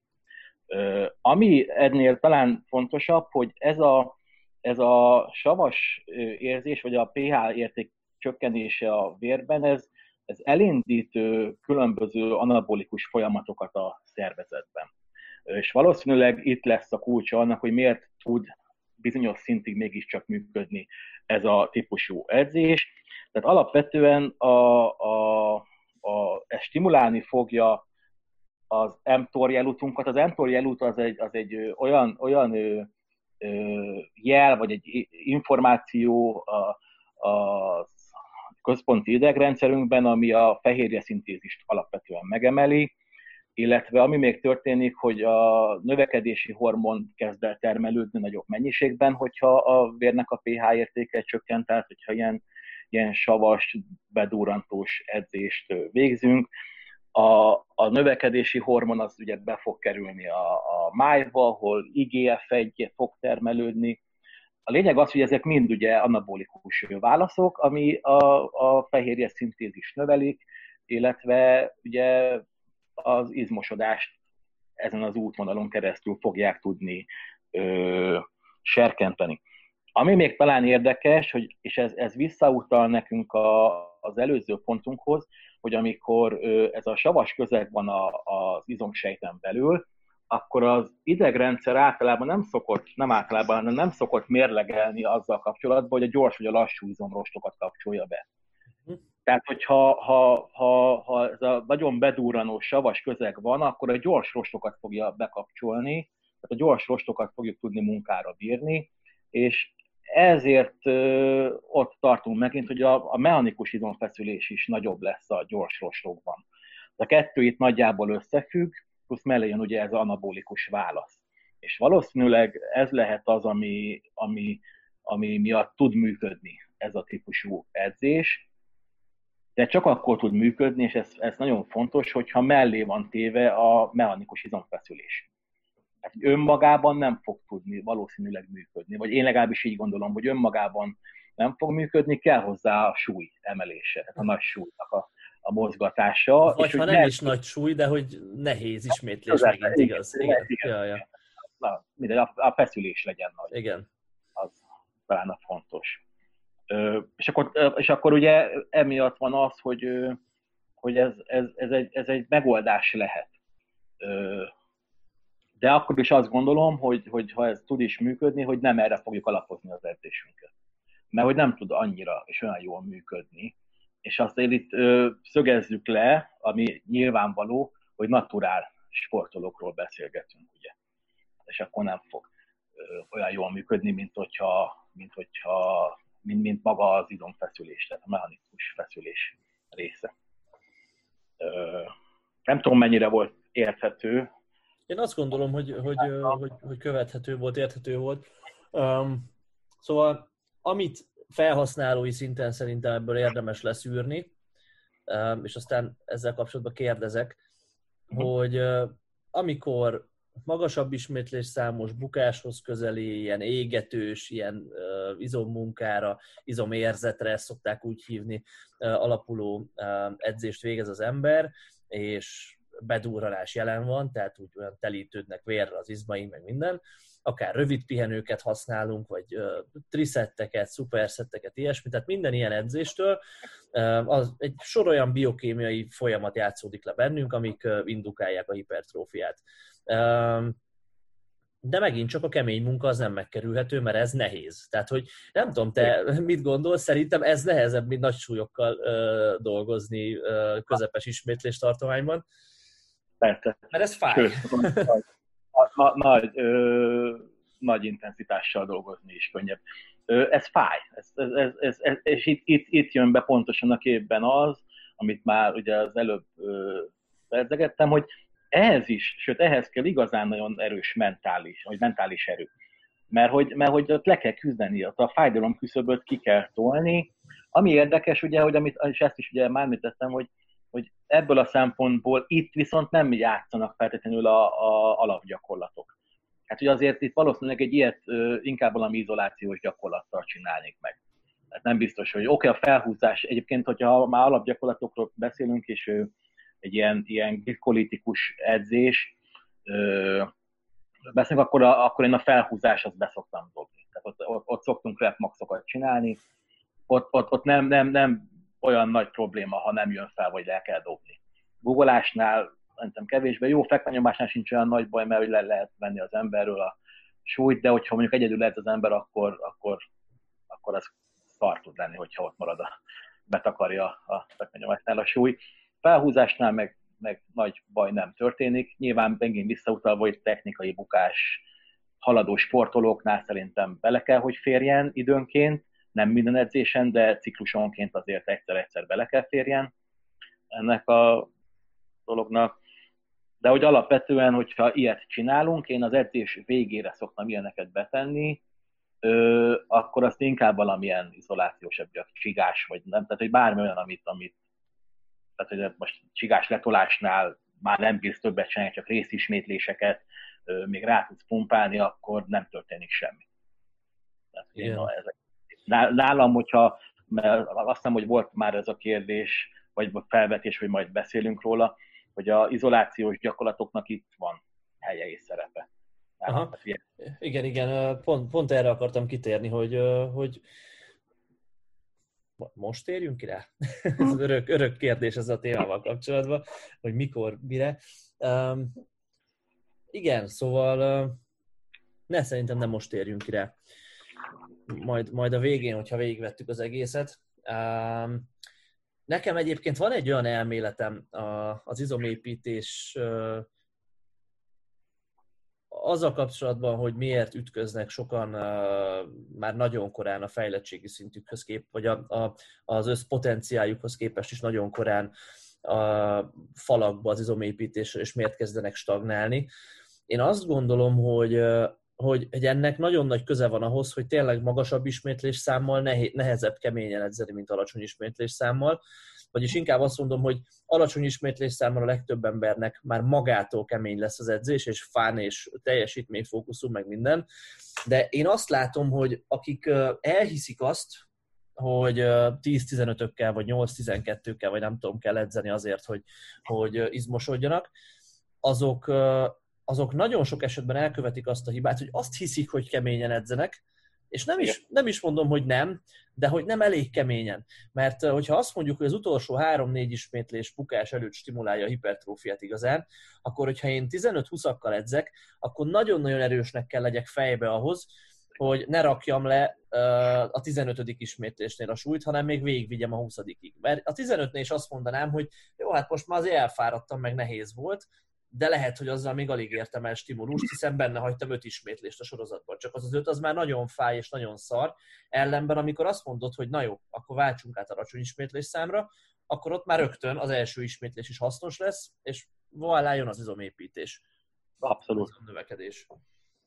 Igen, abszolút így látom. Hát ezért ö, ö, esünk bele abba a hibába, én is beleestem, hogy, hogy ahhoz, hogy ezt el tudjam érni, és ezt tudjam produkálni, ahhoz rengeteg pörgetőt megiszok, ö, ö, nagyon hangos, nagyon üvöltő zenét hallgatok, és egyébként is úgy spanolom magamat, mint hogyha valami komoly dolgot csinálnék. Tehát, hogy az elesik ebbe, és akkor ugye egyre több pörgetőt iszok, már dupla, meg már négy adagot, és, és ez, ez, ez, ez elvezet egy kiégéshez gyakorlatilag nagyon gyorsan, mert egyébként máshogy és ezt érzem is magamon, hogyha ilyen típusú vagy ilyen jellegű edzést csinálok, például, hogyha ha kacuzok, ugye, hogyha valamit mond, a, akinek mond, az, az érteni fogja. Amikor fáradt vagyok, tehát mentálisan zokni vagyok, akkor nem tudok rendesen kacuzni, mert pontosan ez, amit mondasz, hogy hogy abba hagyom, hogy jó van, majd holnap, vagy nem. Tehát, hogy meg egy, elég, elég volt ez. Aha. Meg, meg meggyőzem magam, hogy jó, elég volt ez így is, ha már elég kemény mert. Ja, ja. Ah, igen, abszolút És akkor térjünk át a harmadik kategóriára? Igen, a, igen, igen, a mikrosérülések. Hát ez a legkevésbé fontos, ugye. És ez az, amit a legkevésbé tudunk, hogy konkrétan miről van szó. Ugye gyakorlatilag itt a izomláz fogalmáról kéne beszéljünk, ugye? ugye gyakorlatilag a mikroszakadások jönnek létre az izomsejtben, és akkor sokáig ugye azt hittük, hogy a izomnövekedés az pontosan ez, hogy mikrosérülések lesznek, és akkor behegednek, és akkor úgy növekszik a izom, mert volt ilyen koncepció, tényleg viszonylag sokáig ezt tartotta magát. Ö, alapvetően ugye ez az, ami érintésre mondjuk izomlázzal jár, tehát izomfájdalommal jár, és ugye ez az, amit nem tudunk, hogy mitől van. Ugye sokáig azt hittük, hogy a tejsavtól van ez az izomláz igazából.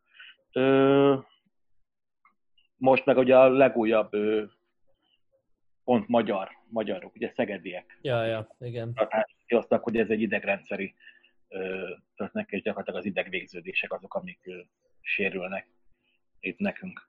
Igen, viszont, viszont a mikroszakadás, mint olyan, az, az egy létező dolog, tehát ez, ez létrejön ugye az edzéstől. Csak ha, ha jól tudom, de igen, hát nagyon-nagyon ellentmondó infókat lehet ezzel kapcsolatban olvasni, hallani. Tehát ha jól tudom, akkor nem, az izo, nem a mikroszakadások kialakulásának a tényét vitatja senki, hanem igen. hogy ez egyáltalán bármilyen szempontból hozzájárul-e nekünk az izomnövekedéshez hosszú távon.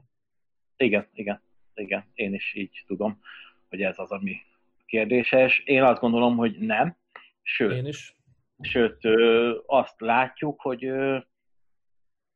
hogy, hogy alapvetően az se baj, ha ez nincsen, tehát hogy nem, nem, nem okoz egy problémát, viszont ha van, és nagy a mértéke, az viszont ugye káros hatású tud lenni.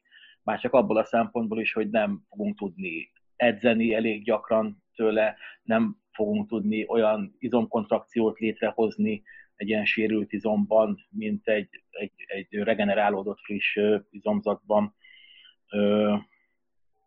Tehát, hogy alapvetően ugye ez, ez, ez nem egy Ráadásul ez a legtúlértékeltebb dolog, tehát amiről érdemes ugye talán még beszélni, hogy azért a, az emberek fejében nagyon gyakran pontosan az van, hogy, hogy ezt keresik, meg ezt tartják, tehát akkor tartják effektívnek az edzésünket, hogyha ott nagy izomfájdalomban és nagy mikroszakadások jönnek létre, sőt, ez, így edzenek, hogy ezt, ezt, ezt generálják gyakorlatilag, és akkor nyilván ezzel meg is magyarázzák azt, hogy ezért kell osztott edzésterv és hetente egyszer edzen egy izomcsoportot, hisz akkor annyira ö, oda vágtunk az izomnak szerkezetileg is, hogy annak aztán kell egy hét, hogy regenerálódjon.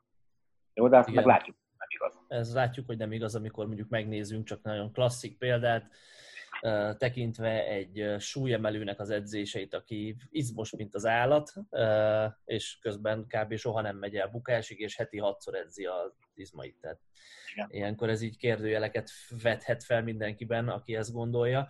Igen, talán úgy fogalmaznék, figyelj, ez egy nagyon szép mondat lesz, hogy az, hogy a, az izomnövekedés az nem egy destruktív folyamat, tehát, hogy nem úgy, nem úgy kell tekinteni rá, hát akármit is jelentsen hogy ez a szó, mert hát az idegen szavakkal kapcsolatban ez mindig veszélyes.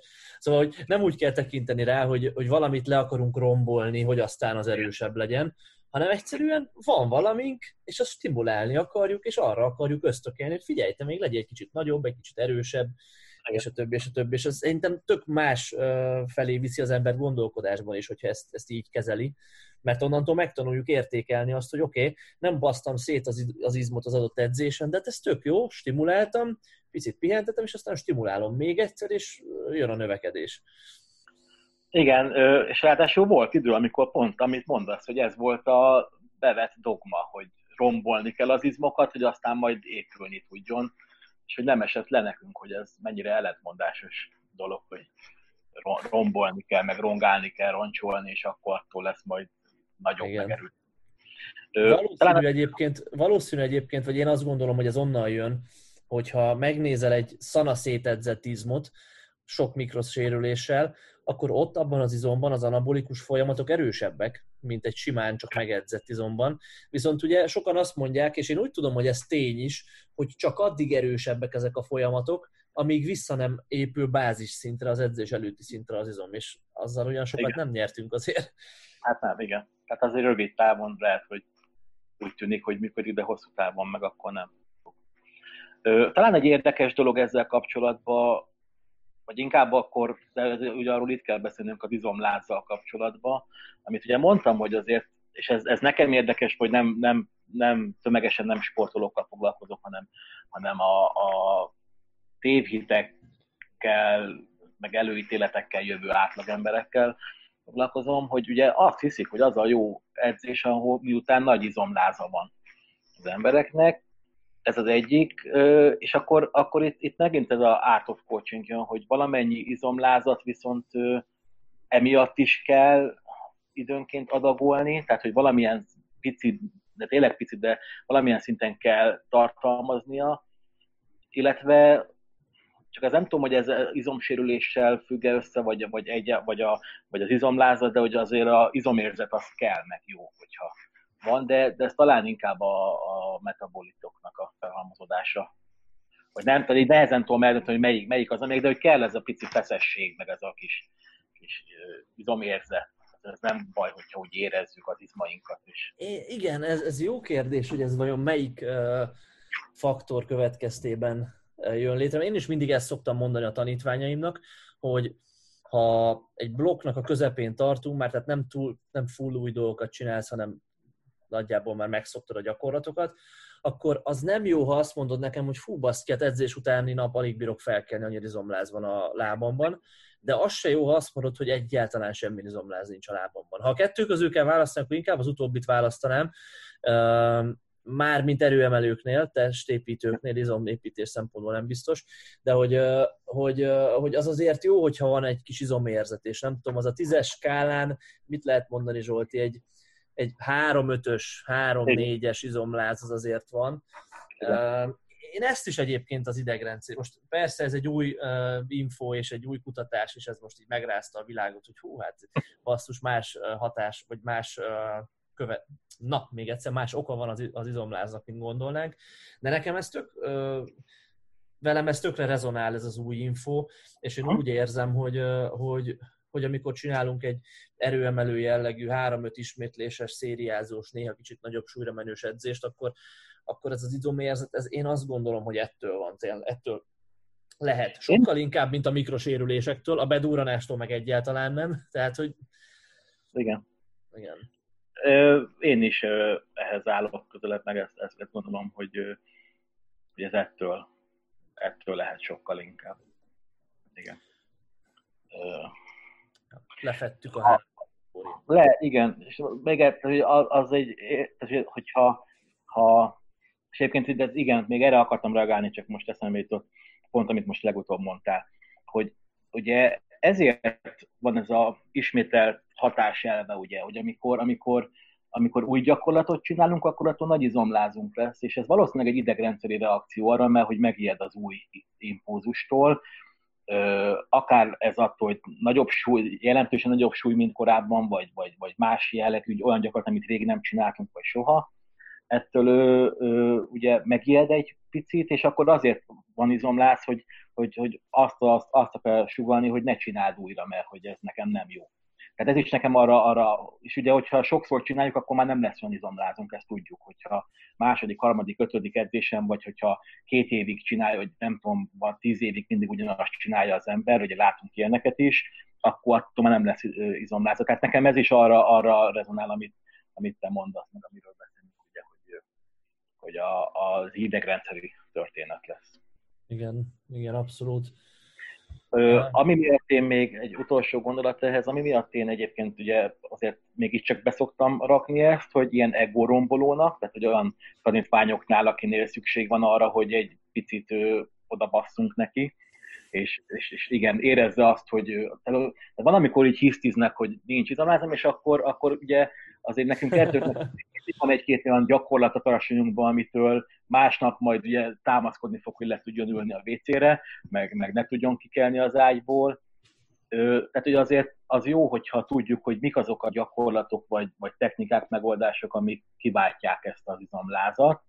Picit megint ez a art of coaching, hogy, hogy, hogy tudjuk kezelni az ilyen típusú embereket, akik, akik kérik a pofont gyakorlatilag. Akkor én ezt mindig tudom, hogy tök jó, most ezt megkapod, mert kérted, meg házhoz jöttél érte, de jövő héti edzéstervünket kidobjuk a kukába ennek cserébe, és akkor itt az edző mérlegel, hogy akkor most megéri-e azt a következő heti edzéstervet kidobni, vagy kevésbé hatékony lesz valószínűleg, de időnként egyszer-egyszer azért kell. Én általában a nagyon kezdőknél, vagy a kezdőknél és az elején szoktam ilyeneket bedobni. És akkor ő emlékezni fog élete végig, hogy a Zsoltinál olyan edzés volt, hogy mások nem bírtam felkelni.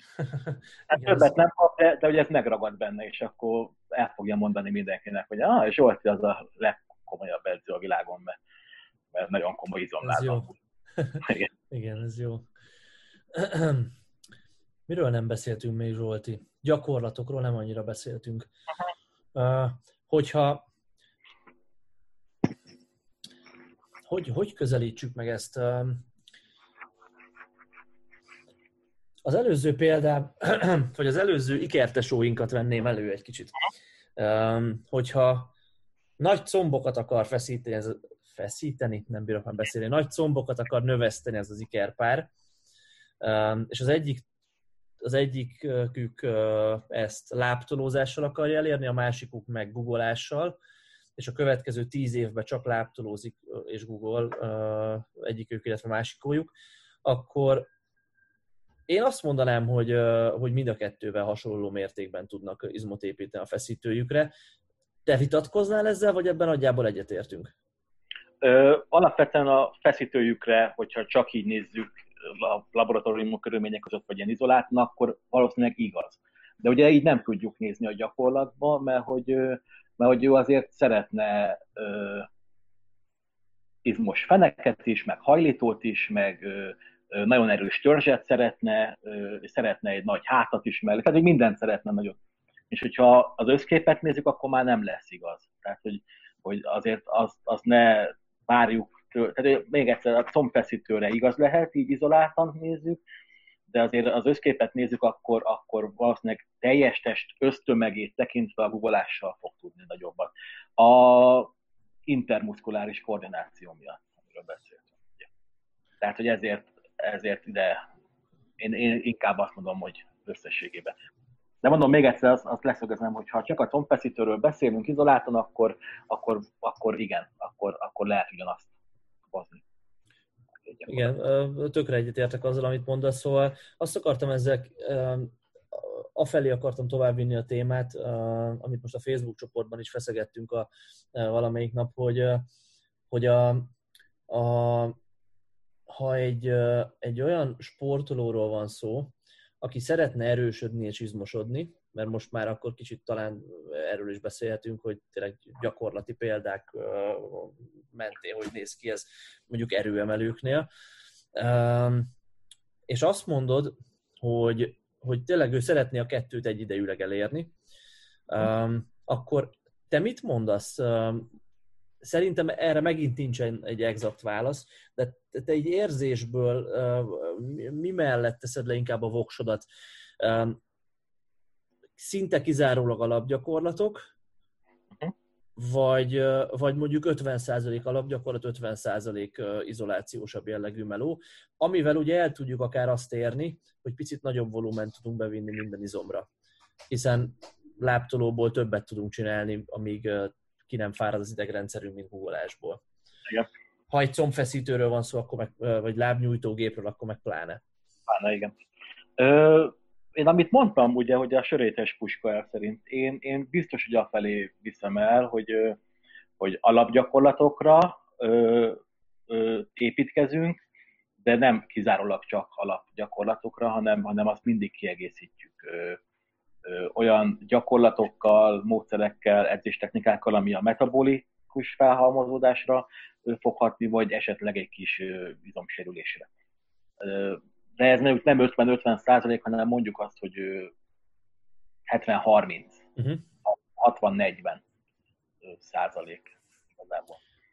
És uh, aha, azt gondolom, hogy ha izomépítésről van szó, akkor ez, ez egy ilyen tök jó arany középút, és ha, ha arról van szó, hogy uh, hogy a heti edzés felosztást, gyakoriságot uh, akarjuk egy kicsit jobban vizsgálni, akkor ezzel kapcsolatban mi a helyzet? Azt szerintem most nem nagy meglepetés a hallgatóknak, akik már tényleg így itt vannak egy ideje, hogy a heti egy biceps jellegű, heti egy edzés per izomcsoport jellegű edzést ezt nem annyira favorizáljuk. sok több okból sem, de akkor, akkor, akkor a magasabb gyakoriság felé szereted inkább elvinni az embereket, most nyilván már a haladóbbakra gondolok, vagy, vagy inkább egy ilyen moderált gyakoriság, heti kettő, vagy, vagy te mit gondolsz? Vagy mindegy edzésstílustól függ, hogy, hogy állsz ehhez most jelenleg? Ö, hát igen, attól függ, hogy milyen rendszerben gondolkozunk. Ö, én, én ö, igen, az nem meglepés, hogy ö, vagy teljes test, ez a leggyakoribb, hogy teljes testedzések vannak, és ö, ö, heti kettő-négy az, amit ö, alapvetően tanácsolnék, vagy alsó test, felső test felosztás az, amit még szoktam, de az, az ritkábban, mert ott, ott már ugye logisztikailag lesznek buktatók, vagy, vagy nehézségek, hogy azt hogy osztjuk fel a alsó test, felső testet, hogy gyakorlat választás szempontjából. De alapvetően én, én inkább a nagy, hogyha ha hipertrófiáról van szó, akkor a nagy gyakoriságú edzés híve vagyok. Már csak azért is, amit ugye nagyon sok szempontból, de mondjuk a volumen miatt, hogy nagyobb volumen tudunk bevinni. Több, ö, nagyobb lesz az izom, nagy izomfeszülésre töltött idő, hogyha heti négyszer csináljuk a dolgot, nem heti egyszer, kétszer. Úgyhogy én, én, én alapvetően a nagy gyakoriság felé tolnám, vagy közepes nagy. Alacsony, alacsony semmiképpen hipertrófia szempontból. Igen, mert ugye gyakorlatilag egy csomó időt parlagon hagyunk, hogyha ha, ha, ha csak heti egyszer edzünk egy izmot, vagy ha csak 5-6 naponta egyszer, mert regenerálódunk, el, elmúlnak a, ezek az izomépítő ingerek gyakorlatilag, vagy a folyamatok így, így szépen ellaposodnak, és onnantól kezdve egy csomó napon keresztül meg nem történik semmi. Hoppá. Ellenben, hogyha ha stimuláljuk rendesen két-három naponta a hipertrófiát, akkor annak valószínűleg jobb vége lehet hosszú távon. Meg hát, na itt már ez az, ami, amit nem nagyon lehet külön állóként tekinteni így edzésben. Tehát erőt akarunk növelni, izmot akarunk építeni, már pedig ha erőt akarunk növelni, akkor szükségünk van arra, hogy te is mondtad már sokszor, hogy gyakoroljunk, és, és, és súlyokat használjunk, és alapgyakorlatokat végezzünk. Igen. Ja. Nagyjából megbeszéltünk mindent szerinted, amit, amit erről a témáról.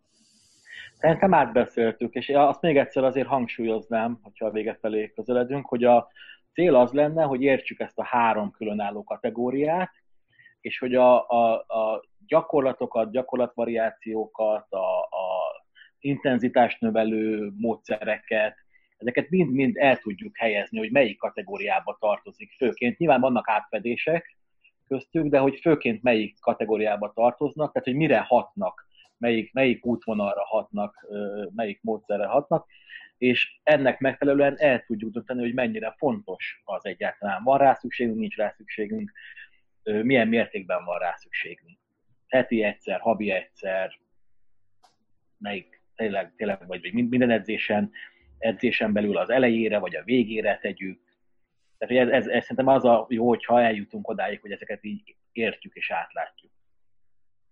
Remélem, hogy valamennyire talán sikerült átadnunk azt, hogy, hogy ez, ez közelebb kerüljenek hozzá a hallgatók, hogy ezt el tudják helyezni. Lehet még egy kínzó kérdésem. az jutott eszembe, hogy szerinted, ha a szteroid használat nem létezne, Igen. akkor és létezne versenyszerű testépítés, csak, csak nem léteznének szteroidok, Aha. akkor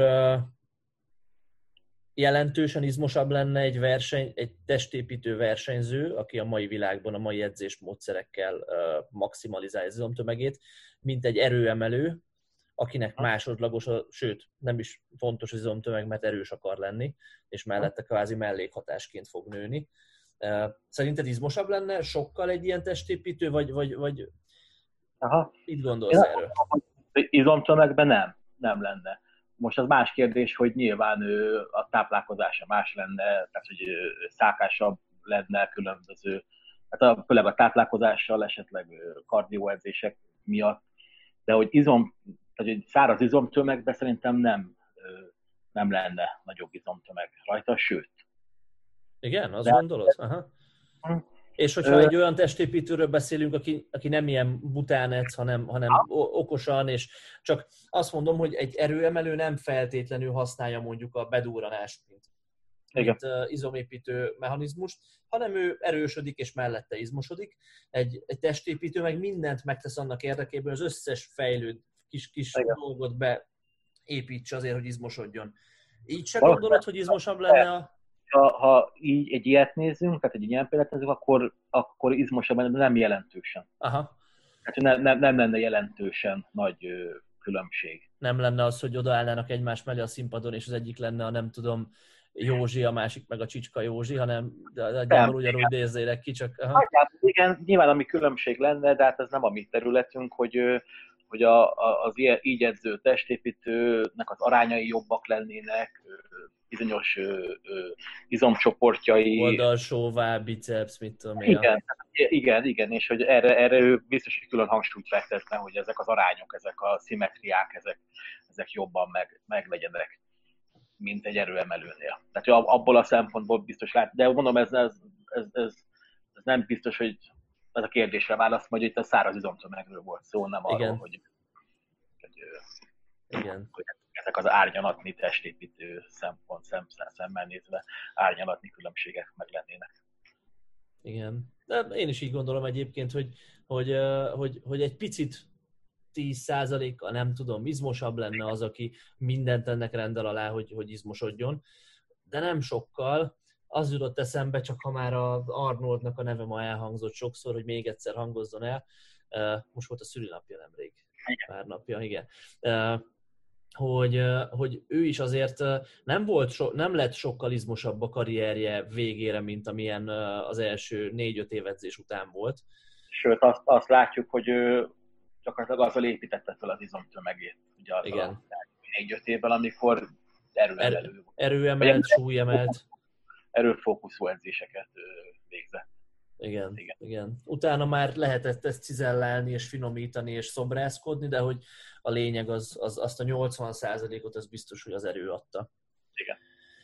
De hát ezt a hallgatóinak nem is kell mondani, hiszen uh, rendes, póveres emberek vannak itt, uh, vagy voltak itt ma velünk. Zsolti, köszi szépen, hogy, uh, hogy összehoztuk ezt a beszélgetést, tök jó volt. Én Csinálunk köszönöm. még ilyet. Én ilyen edzés filozófiai témából veled mindenképpen szeretnék majd dumálni. Szóval, szóval remélem még itt leszel velünk majd a képernyőn. És aki Zsoltit szeretné megtalálni a, a, az interneten, az, az Facebookon megtalálja, azt gondolom, és írhattok neki, Madarász Zsoltként megtaláljátok, illetve Erőműhely Facebookon, Instán is, vagy Zsolt Instán is, vagy igaz? Instán csak privátban vagyok, de nem nagyon használom. Na, Tudom, hogy ez, ez nagyon ciki, hogy nem istázok eleget, de, de alapvetően a Facebookon vagyok, a Instán meg csak, csak nézelődök igazából. Így van. Meg, szóval, hogyha ha, ha Zsoltitól szeretnétek kérdezni, vagy szeretnétek edzőként az ő segítségét igénybe venni, foglalkozik online coachinggal, személyesen is tanítványokkal, tehát akkor ott megtaláljátok őt. Minket pedig, hát tudjátok, a szokásos helyeken, powerbuilder.hu engem Vitman Zsoltként social médiában, ott is nyugodtan zargassatok, ha vannak kérdések. Szoktam ilyen kérdéseket kapni amúgy, hogy fú, figyelj, én nem akarlak titeket zavarni már egy nem tudom fél éve, meg akarom kérdezni, csak nem mertem, mert gondoltam, hogy nem zavarok, vagy nem, nem zavar senki, tehát tökre szeretünk edzésről beszélni, szerintem ez Zsolti nevébe is mondhatom. Bármi ilyen van, akkor, akkor lőjétek a kérdéseket, uh, iratkozzatok fel a YouTube csatornára, hogyha még nem tettétek meg, meg ha, ha még esetleg újak vagytok így ebben az egész PVB uh, dologban, akkor nézzétek meg a régebbi podcastjainkat, videókat, nagy csomó hasznos dolgot találtok YouTube csatornánkon.